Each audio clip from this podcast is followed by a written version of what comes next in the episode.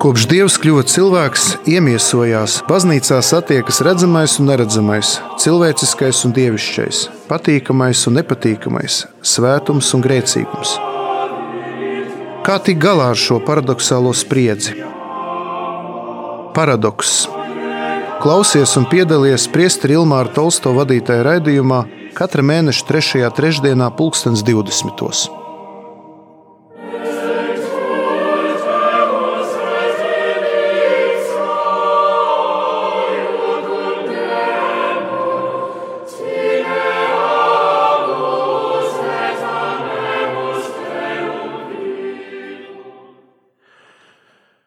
Kristus ir augšām cēlies, patiesi augšām cēlies. Dargie radio Marija Latvija klausītāji, man ļoti liels prieks atkal būt šajā omulīgajā, viesmīlīgajā studijā. Ar jums kopā ir priesteris Ilmārs Tolstovs no Salaspils katoļu draudzes. Šokar ļoti saulaina diena, saule riet un es braucu pa Rīgu un biju kopā ar jums arī rožkroņa lūkšanā, lūdzos. Un šodien mēs atkal esam uh, mūsu uh, ikmēneša raidījumā. Patiesībā jau šis, šī raidījuma sērija iet uz beigām, jau palicis tikai maija raidījums, lai apskatītu tās tēmas, kuras vēlējos pārcilāt saistībā ar šiem paradoksiem, un šodien mēs runāsim par tādu svarīgu jautājumu, kas skar uh, racionālismu un uh, fideismu. Mēs man, man, mazliet jau runājām e, jautājumā, kad skatījām šīs atšķirības starp ticību un prātu. Mums jau bija ievads šai tēmai, bet šodien paskatīsimies dziļāk, e, kā e, tikt pāri tai spriedzēji starp šīm divām jomām, kas ir racionālisms un, un, un fideisms.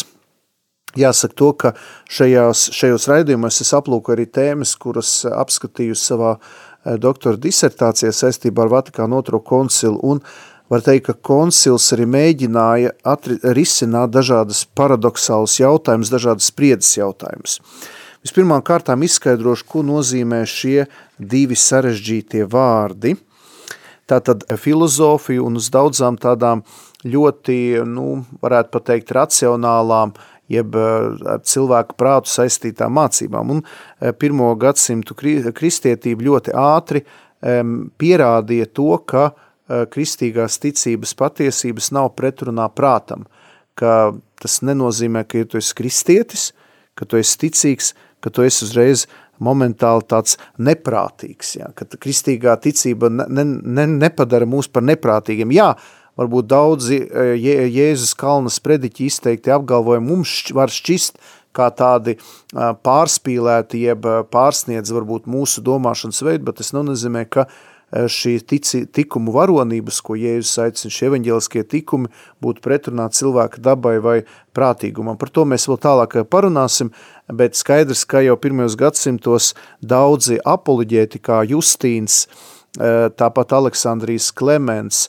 Eh, daudzi citi, arī Irenejs, svētais Irenejs, viņi bija studējuši seno grieķu filozofiju, arī tāpat svētais Augustīns bija retors, tātad bija studējuši šīs zinātnes, kas bija nu, prātīgas, jeb saistīts ar prātu, un viņi nesaskatīja šo pretrunu, bet tieši otrādi savos darbos, apoloģētu darbos, ļoti intensīvi centās, centās pierādīt tātad uh, šo te, šo te kristīgās ticības prātīgumu. Ļoti interesanti, ka e, tad, kad e, jau tā tad e, pirmo gadsimtu koncilos, īpaši Halcedonas koncilā, kad tikai izvirzīta šī dogma par Dieva dēlu divām dabām, tad tika uzsvērts, ka tāpat kā Kristum ir, viņš ir paties Dievs un paties cilvēks, Tāpat arī kristietībā ir šī dievišķā un cilvēciskā dimensija.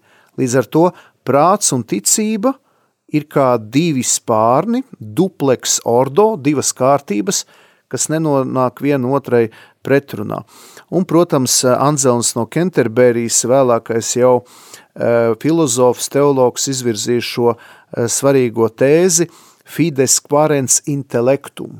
Tātad ticība pieprasa prātu, ticība pieprasa izskaidrojumu, un vēlāk viņš arī runāja par šo raciones necesārija, tas ir prāta nepieciešamību, un izvirzīja šādu tādu, tas patiesībā jau iesakņojās augustīnisma filozofija šādus ļoti skaidrus, skaidrus tātad uzskatus, jeb tēzes, intelege ut credas, crede ut intelegas.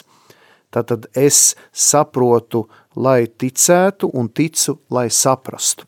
Vēlāk arī Pāvis Jānis Pauls II rakstot encikliku Fides et Ratio, ticība un prāts, par to mēs arī runāsim šodienas raidījumā, viņš arī izmanto šo te mūsu dārga Anzelma no Kenterberijas šos te tādus, tādus siloģismus, jeb principus.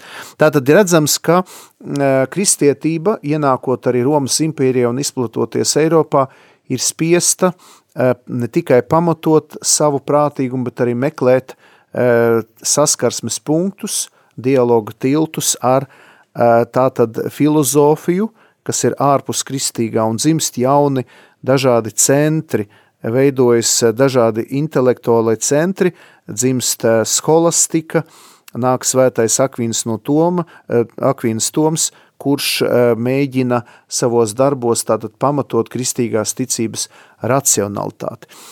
Tūlīt mēs dosimies arī kādā muzikālā pauzē, lai atpūtinātu arī mūsu racio, mūsu prātu no visu tā, ko dzirdējam, un atgādinu, ka šī raidījuma laikā var mums arī zvanīt pa tālruni 67 969 131 vai arī sūtīt īziņu uz tālruni 266 77 272.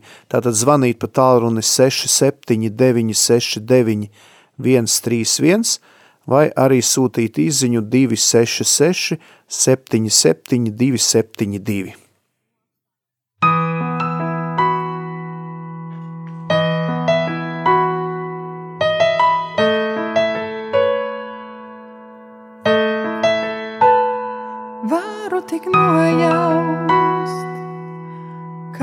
Būs tad, kad mēs abi abi tiksimies, varu tik nojaust, ko jutīšu, kā tavu seju, beidzot redzēšu, varu tik nojaust.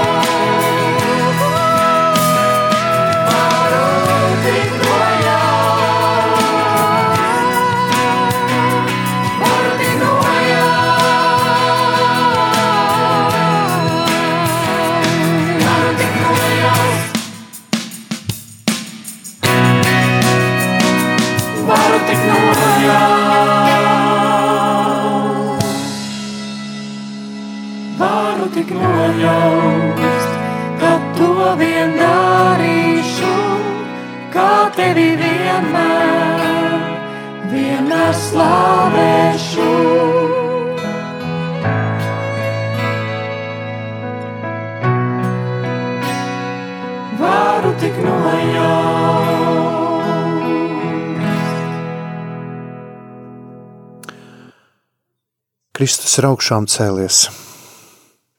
Studijā priesteris Ilmārs Tolstovs, paradoxālais raidījums paradoks, un šodien mums ir smaga tēma racionālisms un fideisms, kāds klausītājs uzrakstīja, jo vairāk es klausos, jo vairāk jautājumos, kā to var izskaidrot. Nu, ziniet, tieši tāpat jautājums bija arī man, kad es studēju uh, teoloģiju, un kad īpaši, ja runā par skolastiku, tad, eh, protams, kad ir eh, filozofiem bija mēģinājumi eh, izskaidrot Dievu, bet mēs zinām, ka Dievu izskaidrot nevar, un mēs jau arī nonākam līdz tā krīzei, kas ir saistīta ar reformāciju ar, ar 16. gadsimtu, jo šī skolastika un dažādi prātuļojumi, jeb mēģinājumi ar prātu skaidrot garīgās patiesības nonāca zinām veida krīzē, uh, kad veidoja šādi disputi un tika disku, diskutēti ļoti abstrakti jautājumi, to sauc par ontoloģisko esenciālismu. Es centīšos bieži nelietot dažādus svešvārdus, bet šis tie svešvārds nozīmē to, ka tika runātas abstraktas lietas, kuras nu, cilvēka, nebija saistītas ar cilvēka dzīvi, un arī pat īstenībā līdz galam arī nebija klātesošas svētajos rakstos, viņas nebija pretrunā svētajiem rakstiem, bet viņas bija, tā sakot, izsecināts no dažādiem citiem secinājumiem, atkal izsecināts, izsecināts, izsecināts. Un tāpēc reformācijas rezultātā varētu pat teikt, protams, tur jau bija iedīgļi, bet reformācijas rezultātā dzimst jau mūsu otrā tā tēma, kuru mēs liksim kā tādu pretmetu šim, ko mēs tagad runājam, un mēs to saucam par fideismu – tātad fideisms, tas nozīmē, ka tikai ticība, tātad tikai ticība, tikai bībele, tikai šīs lietas, kas ir atklātas, dievišķa atklāsme, un jebkurā gadījumā prāts ir uh, grēkā kritis, grēks ir pagrimis, Un līdz ar to uh, jau um, nu, dzimst tā, tad, tādas tēzes, ka ir vajadzīgs ticēt un nevajag domāt. Jā. Domāšana atstājam otrajā plānā, un pirm, pirmie protestantu tēvi, um, arī Mārtiņš Luters un daudz viņa tuvākie sekotāji ļoti radikāli nostājās pret jebkādu prāta lietošanu, jo viņi redzēja katolisko baznīcu, katolisko filozofiju, teoloģiju kā tādu, uh, kā tādu bīstamību, uh, Eh, tīrai, skaidrai ticībai. Tātad, ja tu prātuļo, ja tu meklē šīs racionālas atbildes, tad tu uh, nonāc, nonāc līdz neticībai, līdz tādai, nu, kā lai saka, nu, nu, sāc noliekt Dievu. Un radās tāda, tāda nu, radikāla kustība, kuras, starp citu, tādi aizmetņi ir atrodami jau pie baznīcas tēviem, jo Tertulians savā laikā ir teicis, kas kopīgs Jeruzālem ar Atēnām. Uh, Viņš, nevar, ne, viņš ne, nevarēja pieņemt to, ka pirmo gadsimtu baznīcas tēvi, kā Justīns, Īrenejs un Aleksandrijs Klemens meklēja šos te racionālos pamatojumus, jeb saikni kristietībā ar, ar, ar, ar, ar grieķu filozofiju. Tad viņš bija ļoti radikāls. Viņš teica, ne, tikai svētie raksti, un varētu pat teikt, kā, negribu, es nezinu, vai tā drīkst teikt, bet Tertulāns jau bija kā tāds anonīmais protestants, anonīmais varbūt luterānis, bet nu, viņš ļoti radikāli iestājas un varētu teikt, ka reformācijas rezultātā dzimst tātad šis te fideisms, kurš pēc tam arī tālāk aiziet uz tā saucamo apofātismu, kad vispār par Dievu neko nevar pateikt, Dievu nevar izskaidrot. Piemēram, Imnals Kants arī ir šāds pārstāvis, viņš uzskata, ka ticība tā ir viena sfēra, un prāts tā ir cita sfēra. Un varētu teikt, ka šī virziena rezultātā Okama nominālisti, Immanuels Kants un vēlāk daudz, daudz citu filozofi iesāka uh, šo procesu, kurā tika nodalīta ticība un prāts, jo tika uzskatīts, ka šie ir pilnīgi divi nesavienojumi jēdzieni, divas, divas nes, ne, nesavienojums jomas, un varētu teikt, ka dzimst arī mūsdienu ateisms. Mēs vienā no raidījumiem runājam par, eh, par te, ateistiem un, un teistiem, ja, par agnostiķiem, man liekas, tas bija mēnesis iepriekš, mēs jau šim jautājumam pieskārāmies. Tātad eh, ateisms radās kā eh, tāds protesta forma pārlieku lielai, varētu teikt, fideizācija, jeb ticības pārspīlēm, jeb prāta noliekšanai. Bija cilvēki, kas tomēr vēlējās būt racionāli, kas vēlējās būt prātīgi.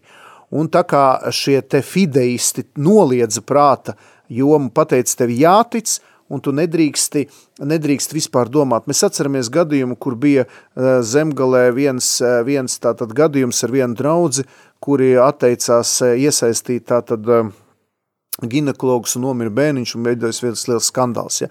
Mēs nezinām līdz galam, kā tur ir bijis un lai to spriež, kā saka, tiesības sargājušās iestādes, bet eh, ļoti raksturīgs tādām jaunām draudzēm, jaunām kopienām eh, šāda te radikāla ticības eh, izpausme, izteikšana, prāta noliekšana, tas rada problēmas. Bet tātad fideisms zims, tur, protams, veidojas ļoti dažādi virzieni, redukcionistiskais un, un zem šī fideisma uh, nāk klāt arī, protams, radikālā, radikālās dažādas kristietības draudzes novirzieni, kas sāk neievērot likumus, kas sāk uzbrukt likumiem tā tālāk un tā joprojām.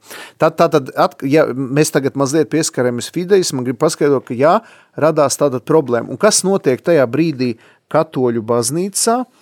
Katoļu baznīcā notiek pretēji efekti un racionālisms, racionālisms pieņemās spēkā. Racionālisms pieņemās spēkā un rodas e, virzieni, kas sāk uzskatīt, ka Bībele ir vairāk cilvēku sarakstīta, ka tā nav Dieva iedvesmota. Tātad dzimst liberālās egzegēzes, liberālās teoloģijas jomas, tās dzimst gan katoliskās baznīcas, gan arī citu e, protestantisko baznīcu, tā teikt, e, ietvaros, un sākas tādi, nu, ap, sāk, apšaubīt, piemēram, to, ka Eh, dogmas ir eh, nemainīgas. Eh, nāk modernisma laiks, mums bija arī raidījums, kur mēs runājam par modernisma problemātiku, ja, kur sāk apšaubīt to, ka tātad, kad dievišķās patiesības ir nemainīgas un tiek pārlieku uz, uzsvērta cilvēka klātbūtne, cilvēka tātad intelekts un ir mēģinājumi, piemēram, historizēt ticības patiesības, pārāk vēsturiskot, uzskatīt, ka gadsimtu gaitā šīs ticības patiesības var mainīties. Ja? Tas, protams, ir Hegeļa filozofijas ietekme. Un tātad baznīca arī ir jārēģē, un tas ir 19. Gada, gadsimta vidus, 19. gadsimta beigas, kad sākās spriedze starp eh, dažādiem filozofijas virzieniem, kas sāk eh, pārāk uzsvērt prāta lomu. Protams, ir, ir bijusi Franču revolūcija, protams, ir uh, sociālā fizika, Eugens Komts, jā, tātad dzimst socioloģija, dzimst dažādi citi filozofijas virzieni, kas sāk apšaubīt vispār dievišķo, pārdabisko, atklāsmi, ticību. Ja. Tātad mēs redzam, no vienas puses ir ļoti pārspīlēts protestantiskais fideisms, ja, kas Vācijā, piemēram, izveid, pārto par tādu kristīgo romantismu, un, piemēram, tur Friedrikam Nīčam ir jāiejauc, viņš saka, ka Dievs ir miris, jo jūs viņu esat nogalinājuši. Kā nogalinājuši? Ar savu izkropļoto kristīgo skatījumu, jo tik ļoti tiek noliegts prāts un viss prātīgais, ka ticība pārvērš par karikatūru. Viņa kļūst tik atkal abstrakta, tik atkal tāda tēlaina, tik varbūt tiek daudz, daudz citāti bībeles panti, bet viņiem pazūd saikne realitāti. Ja? Un atkal rodas problēmas, atkal rodas spriedzi. Ja? Un tāpēc, eh, nu, baznīcē nākas iejaukties, viņa ienaidnieku bultu un tur uzreiz deva pretī, deva virsū. Ja? Nu, es negribu teikt, ka tas laiks bija nepareizs vai slikts, baznīcē tajā brīdī bija tā jārīkojas, un mēs zinām, ka arī, piemēram, tajā laikā bija izplatīts gan nacisms, gan komunisms, jā. bija liela uzbrukuma, un baznīca tieši tāpēc arī ievies, piemēram, Kristus karaļa svētkus, kā atbildi visiem šiem ismiem, ja, šīm ideoloģijām, šīm, šīm drausmīgiem režīmiem, un tādā veidā pasludināja, ka kungs ir karalis, bet šajā pasludināšanā atkal bija klātesošs liels triumfālisms, un bija uzskats, ka katoļu baznīca ir absolūti nemainīga, ka viss ir izskaidrots un tā tālāk. Un it kā mēģinot kaut kādā ziņā, es negribu lietot vārdu mākslīgi, bet tādā varētu pat tri, triumfālā formā līdzsvarot ticību un prātu, tur nevienmēr viss labi izdevās, jo varētu teikt, ka fideisms eh, turpināja attīstīties ļoti spēcīgi radikālajās protestantu draudzēs, racionālisms sāka attīstīties jaunajā attīsmā, un studijā priesteris Ilmārs Tolstovs, Salaspils katoļa draudze, brīnišķīga pilsēta, ja kāds vēl nevar izlemt, kur dzīvot, aicinu draudzi ļoti forša, arī, lai drusku atvieglotu mūsu, mūsu prātus, varu pareklamēt, ka nākošu nedēļu ceturtdien mēs izējam svētceļam uz Skaiskalnu, atjaunojam mūsu jau seno tradīciju, kas iesākusies vairāk kā 11 gadus atpakaļ, mēs izējam skaistkalni ar kājiņām, astoņos ir mise salaspili, un mēs iesim, nakšņosim tātad 28. aprīlī ceturtdien vakarā Baldonē, eh, piekdien 29. aprīlī vecumniekos, sestdien 30. Eh, aprīlī tātad Bārbelē un 1. maijā mēs ejam Skaiskalnē, kur pulksnes 12. svēto misi celebrēs Jelgavas diecēs bīskaps ordinārijas Edvards Pavlovskis, būs eh, tāds Skaiskalnas dievmāts ģimeņu karalienes svēt, kas katru gadu tiek svinēti maija mēneša pirmajās svētdienā. Un, eh, ko es gribu teikt, ka, ja kāds arī netiek šīs pirmās divas dienas, nu varat atbraukt uz vecumniekiem, nu paiet kaut vai divas dieniņas. Un eh, īpaši tas ir svarīgi tiem varbūt, kuri nav gājuši uz aglonu, tad tā ir tāda maz iesildīšanās. Tā kā aicinu un uh, iziesim ļoti skaists laiks, pavasaris, tā kā skaistkalnas svētceļiem atsāks. Bet tā tad, jā, mēs pabeidzām ar to domu, ka ko tad tagad darīt? Mēs esam galīgā šokā, ticība un prāts, nevar tikai ticēt un prātu atslēgt, jo tad mēs kļūstam par, par fundamentālistiem, kā bieži vien mums tiek pārmest, ka mēs esam fundamentālisti, un nevar arī tikai ar prātu, jo tad mēs ļoti ātri ejam tajā saucamajā apofātismā, kas nozīmē, ka mēs sakam, ka ticība vispār nevar iepazīt ar prātu, nu arī kantismā savaidā. Un, bet es nekādā ziņā Immanuelu Kantu negribu apvainot, tāpat kā arī citus filozofus. Un, protams, mēs uzreiz momentāli slīdam uz uh, ateisma pusi. Un tāpēc es paņēmu šo encikliku un paskatīšos tātad divas nodaļas. Ļoti interesanti, ka Jānis Pāvils II izmanto Anzelma no Kenterberijas šos te e, principus tām divām otrajai un trešajai nodaļai no 16. līdz 34. numuram, un viņš tieši katrai nodaļai dod šo, e, no šos nosaukumus, tātad intelege ut credas, crede ut intelegas. Uh, Un pirmā šī otrā nodaļa tā ticu, lai saprastu. Gudrība zina un saprot visu. Un pavests atsaucās jau uz svētajiem rakstiem, uz Sīraka dēla grāmatu, viņš saka, ka jau svētajos rakstos var nojaust dziļo saistību starp iepazīšanu caur, caur ticību un iepazīšanu ar prātu. Tātad jau svētie raksti jau runā par šo tādu saikni. Un cilvēks jau pats pa sevi ir izzinoša būtne, viņš vēlas zināt. Viņš vēlas zināt, un viņš vēlas arī analizēt visu radīto, visu realitāti. Un Bavis saka, ka ticība ir vajadzīga ne jau tādēļ, lai ierobežotu prātu, bet gan tādēļ, lai cilvēks saprastu, ka visos notikumos atklājas Dievs. Ticība attīra iekšējo skatienu un atver prātu. Tāda ticība nav pretrunā, viņa ne, neliek mums ignorēt plānu, bet viņa paplašina mūsu prāta robežas. Un 17. numurā arī pāvis saka, ka nav iemesla prāta un ticības sansensībai. Katrai realitātei ir savs lauks, kurā īstenoties. Un tāpēc um, arī jau Izraels jau vecajā derībās ar savām pārdomām atvēra prātam ceļu uz noslēpumu. Tad Dieva atklāsme deva pieeja dziļumiem, kurus prāts viens pats veltīgi bija centies sasniegt. Tauta saprata, ka prātam ir jāievēro zināmi principi, lai spētu labāk izpaust savu dabu. Ļoti interesanti, ka savā laikā, kad studēju Jelgavā Latvijas lauksamsības universitātē, mums bija augstākās fizikas pasniedzēja, kur vienā lekcijā teica, ka tur, kur matemātikā ir apgāzes astotnieks, tur ir ietverts šīs pārdabiskās pas, patiesības. Un viņi arī teica, ka jau savā laikā, kad Aristoteles kolekcionēja aprakstus par dabu, ko viņš nosauc par fiziku, viņš arī uh, ieraudzīja, ka ir kaut kādas uh, lietas, kuras viņš nevar līdz galam izskaidrot.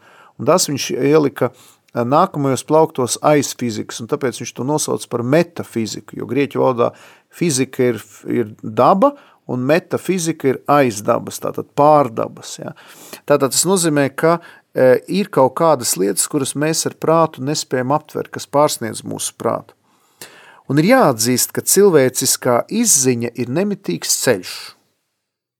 Un šo ceļu nevar mērot lepns cilvēks.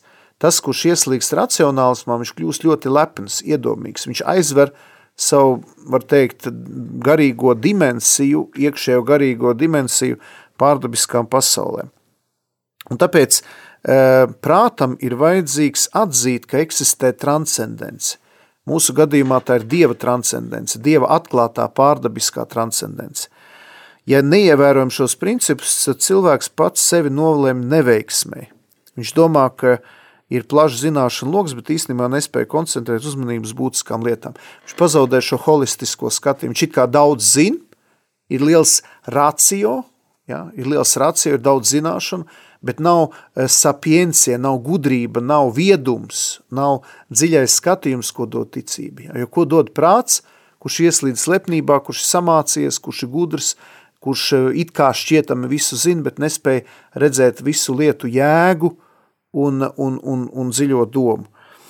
Un tāpēc arī pāvests tālāk saka, ka mm, jau vecajā derībā ir runa par to, ka e, tas, kurš meklē patiesību filozofijās, viņam ir vajadzīgs eh, radītājs, viņam vajadzīgs dievs, kurš dod jēgu visam, kas ir radīts. Tāda ticība palīdz saprast, kas ir visa pamatā.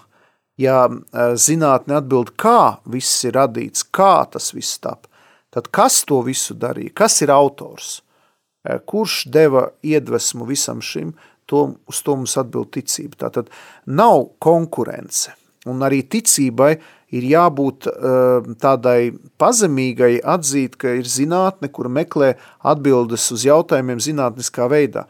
Piemēram, fideisms arī ir tā, tas pārspīlējums, kad cilvēki domā, ka Bībelē ir ietvertas visas arī zinātniskās patiesības. Un dažreiz šie radikālie protestanti, viņi noliedz, eh, piemēram, mm, nu, radīšanas, piemēram, jautājumus, kas skar evolūcijas teoriju, cilvēka rašanos. Mums jābūt uh, tik pazemīgiem, lai atzītu, ka daudz zinātniskās eh, patiesības un atklājumi nav pretrunā ticībai. Jo ja mēs iekrītam fideismā, mēs iekrītam arī fundamentālismā, un uzreiz bībeli skaidrojam burtiski pazaudējam šo kopīgo skatījumu. Ja. Tā kā redzams, ka tur ir liela bīstamība tā tad, tā tad šo te apziņu pazaudēt. Mūsu prāts ir ierobežots. Mēs neesam dievi, bet mēs neesam arī tādi, kuri visu saprot. Es ļoti bieži citēju šo slaveno Tomaša Halīka frāzi, ko es arī iekļāvu savā disertācijā, ko, kas bija viņa intervijā Rīgas laikā pirms vairākiem gadiem – kur eh, viņš ir čehu teologs, varbūt dažos gadījumos mazliet liberāls mazliet tāds brīvdomīgs, bet viņš teica, ka kļūdās divi cilvēki, tie, kas saka, ka viņi zin, kas ir Dievs, un otri, kas saka, ka Dieva nav. Viņš saka, kā viņi abi divi zin, ka tā ir. Tātad zināma veida līdzsvars, ja zinātne prāts dara savu, un ticība apgaismo prātu. Bet ticība apgaismo prātu tā, ka mēs tik un tā vēl esam ceļā. Mēs nevaram teikt, ka mēs visu momentāli zinām, ka mums viss ir skaidrs. Tātad ar ierastiem domāšanas veidiem nav iespējams pilnībā izteikt dieva gudrību, saka pāvests. Tāpēc arī jebkurš izaic, ja galvenais izaicinājums jebkurai filozofijai ir Jēzus Kristus nāve pie krusta, to nevar izskaidrot cilvēciskās loģikas kategorijām. Un tādā veidā ticība atver mūsu prātam bezgalīgas patiesības okeānu. Tātad šeit ir redzams, ka robeža starp prātu un ticību, bet arī precīzi norādīt vietu, kur prāts un ticība var sastapties. Tātad ticība respektē prātu un prāts respektē ticību. Viņi abi iet šo ceļu kopsolī, bet respektē viens otru. Ja? Un tas ir ļoti svarīgi. Es domāju, mēs vēl varam doties, doties tātad muzikālā pauzē. Atgādinu, ka mums var zvanīt uz tālruni 67 969 131 un uzdot kādu jautājumu, un vai arī sūtīt īziņu 266 77 272.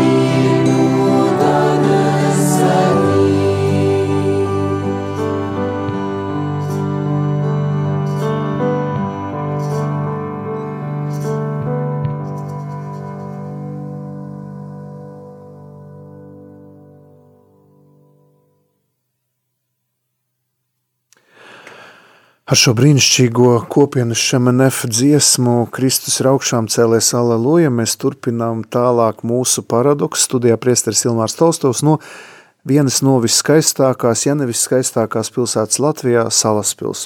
Un eh, te arī ir tādas ziņas, ka paldies par man, par aizrautību, paldies Anna par to, ka ir atspirdzinājumi, bet atspirdzinājums nāk no eh, svētajiem rakstiem un no baznīcas mācības. Tāpēc studējiet katehizmu, studējiet bībeli, ejiet stāties ar arzī, studējiet, mācieties, lasiet, jo tas atspirdzina prātu, atspirdzina dvēseli un, kā es teicu, ticību un prāts skaitam potariešus, lūdzamies, bet arī lasam, studējam, lai mūsu ticība būtu nobriedusi, jo ja ticam, bet neko nezinām, tad bieži vien sākās visādi, kas saka, mums jau tagad tas ir pārgājis, visi antivakserismi, visādi sazvērstība teorijas, visādas vizionārismu un tā tālāk. Tātad prāts ir vajadzīgs, ir vajadzīga izglītošanās, bet, protams, lai neiekrītam šajā pārlieku lielā racionālismā. Un te arī ir par kādu cilvēku, kurš stāsies turībā un grib saistīt dzīvi ar politiku, lai ticētu. Un pāvis citē apust, svēto Pāvilu apustuļu darbos, ka viņš saka, ka si, cilvēka sirds dziļumos ir iesēta orientācija uz Dievu un ilgas pēc Dieva. Un visi cilvēki pēc savas dabas tiecas pēc zināšanām, un šīs vēlmes objekts ir patiesība. Aristotels. Tāda Aristotels jau runā par cilvēka virzību uz patiesību un tieksmi pēc zināšanām. Svētais Augustīns saka, te ir citāts – Esmu saticis daudz cilvēkus, kuri grib maldināt citus, bet neesmu saticis nevienu, kurš pats gribētu tikt maldināts. Tātad cilvēks ir vērs uz patiesības meklējumiem. Un sākotnēji patiesība cilvēkam sev piesaka jautājumos, vai dzīvē ir jēga un kāds ir tās galamērķis. Tātad ticība dod atbildi uz cilvēka dzīves pamat jautājumiem, eksistenciāliem jautājumiem. Kas notiks ar mani pēc nāves? No kurienes es esmu, uz kurienes eju? kāda jēga ir manai dzīvē, kāpēc es dzīvoju. Ja? Šie eksistenciāli jautājumi, uz ko nevar atbildēt ne zinātne, ne arī prāts, to dod ticība. Un tāpēc eh, jautājums arī ir, vai ir iespējams atrast universālu un absolūtu patiesību. Mēs zinām, ka mūsdienās ir ļoti daudz uh, filozofijas, kuras um, pamato, pamatojas uz relatīvismu. Mēs jau runājam ne tikai par postmodernismu, bet par metamodernismu, tas post, postmodernismu, kurš noliedz uh, ne tikai uh, kādas vispārējas patiesības, bet vispār sāk noliegt eksistenci. Piemēram, mēs redzam arī šī filozofija, kas saistīta ar gender, ar dzimtes jautājumiem, ja, ka cilvēks varbūt ir tātad bioloģiski vīrietis vai sieviete, bet viņš jūtās kā pretējā dzimuma pārstāvis. Ja. Tātad tas ir milzīgi izaicinājumi šiem patiesības meklējumiem. Bet skaidrs, ka prāta dabiski ierobežojumi sirds nepastāvība aptumšo cilvēku meklējumus un ievirza tos nepareizā gultnē. Bet tas nenozīmē, ka šie meklējumi būtu bezmērķīgi un bezjēdzīgi mēs apzināmies, ka ir iespējams sasniegt patiesību. Un ticība dod šo iespēju meklēt un sasniegt patiesību. Ja es saku, es esmu ceļš patiesība, patiesība un dzīvība. Protams, ka ir dažādas patiesības. Šeit arī šī enciklika saka tāda acīm redzamas patiesības, filozofiskas dabas patiesības un reliģiskas patiesības. Un Jēzus Kristus ir tas, kas dod atbildi, kas dod jēgu, kas izskaidro mums – Protams, viņš neizskaidro fizikālas un, un, un, un matemātiskas un, un dabas patiesības, tā, par to nodarbojas zināt, bet viņš izskaidro šo visu radīto lietu jēgu. Viņš iedod mums jēgu mūsu eksistencē. Un tāpēc ir ļoti svarīgi atvērt savu sirdi Jēzum un nebaidīties no tā, ka viņš mums kaut ko varētu atņemt. Ļoti daudz cilvēku baidās uzticēties Jēzum, tieši tāpēc, ka viņi saskārušies ar fundamentāliem kristie, fundamentālistiskiem, kuri noliec prātu. Un tāpēc es domāju, ka mums, kas esam katoļi, ļoti svarīgi parādāt šī līdzsvaroto ticību. Lūk, šeit cilvēks raksta, ka viņš grib iestāties turībā un grib saistīt savu dzīvi ar politiku.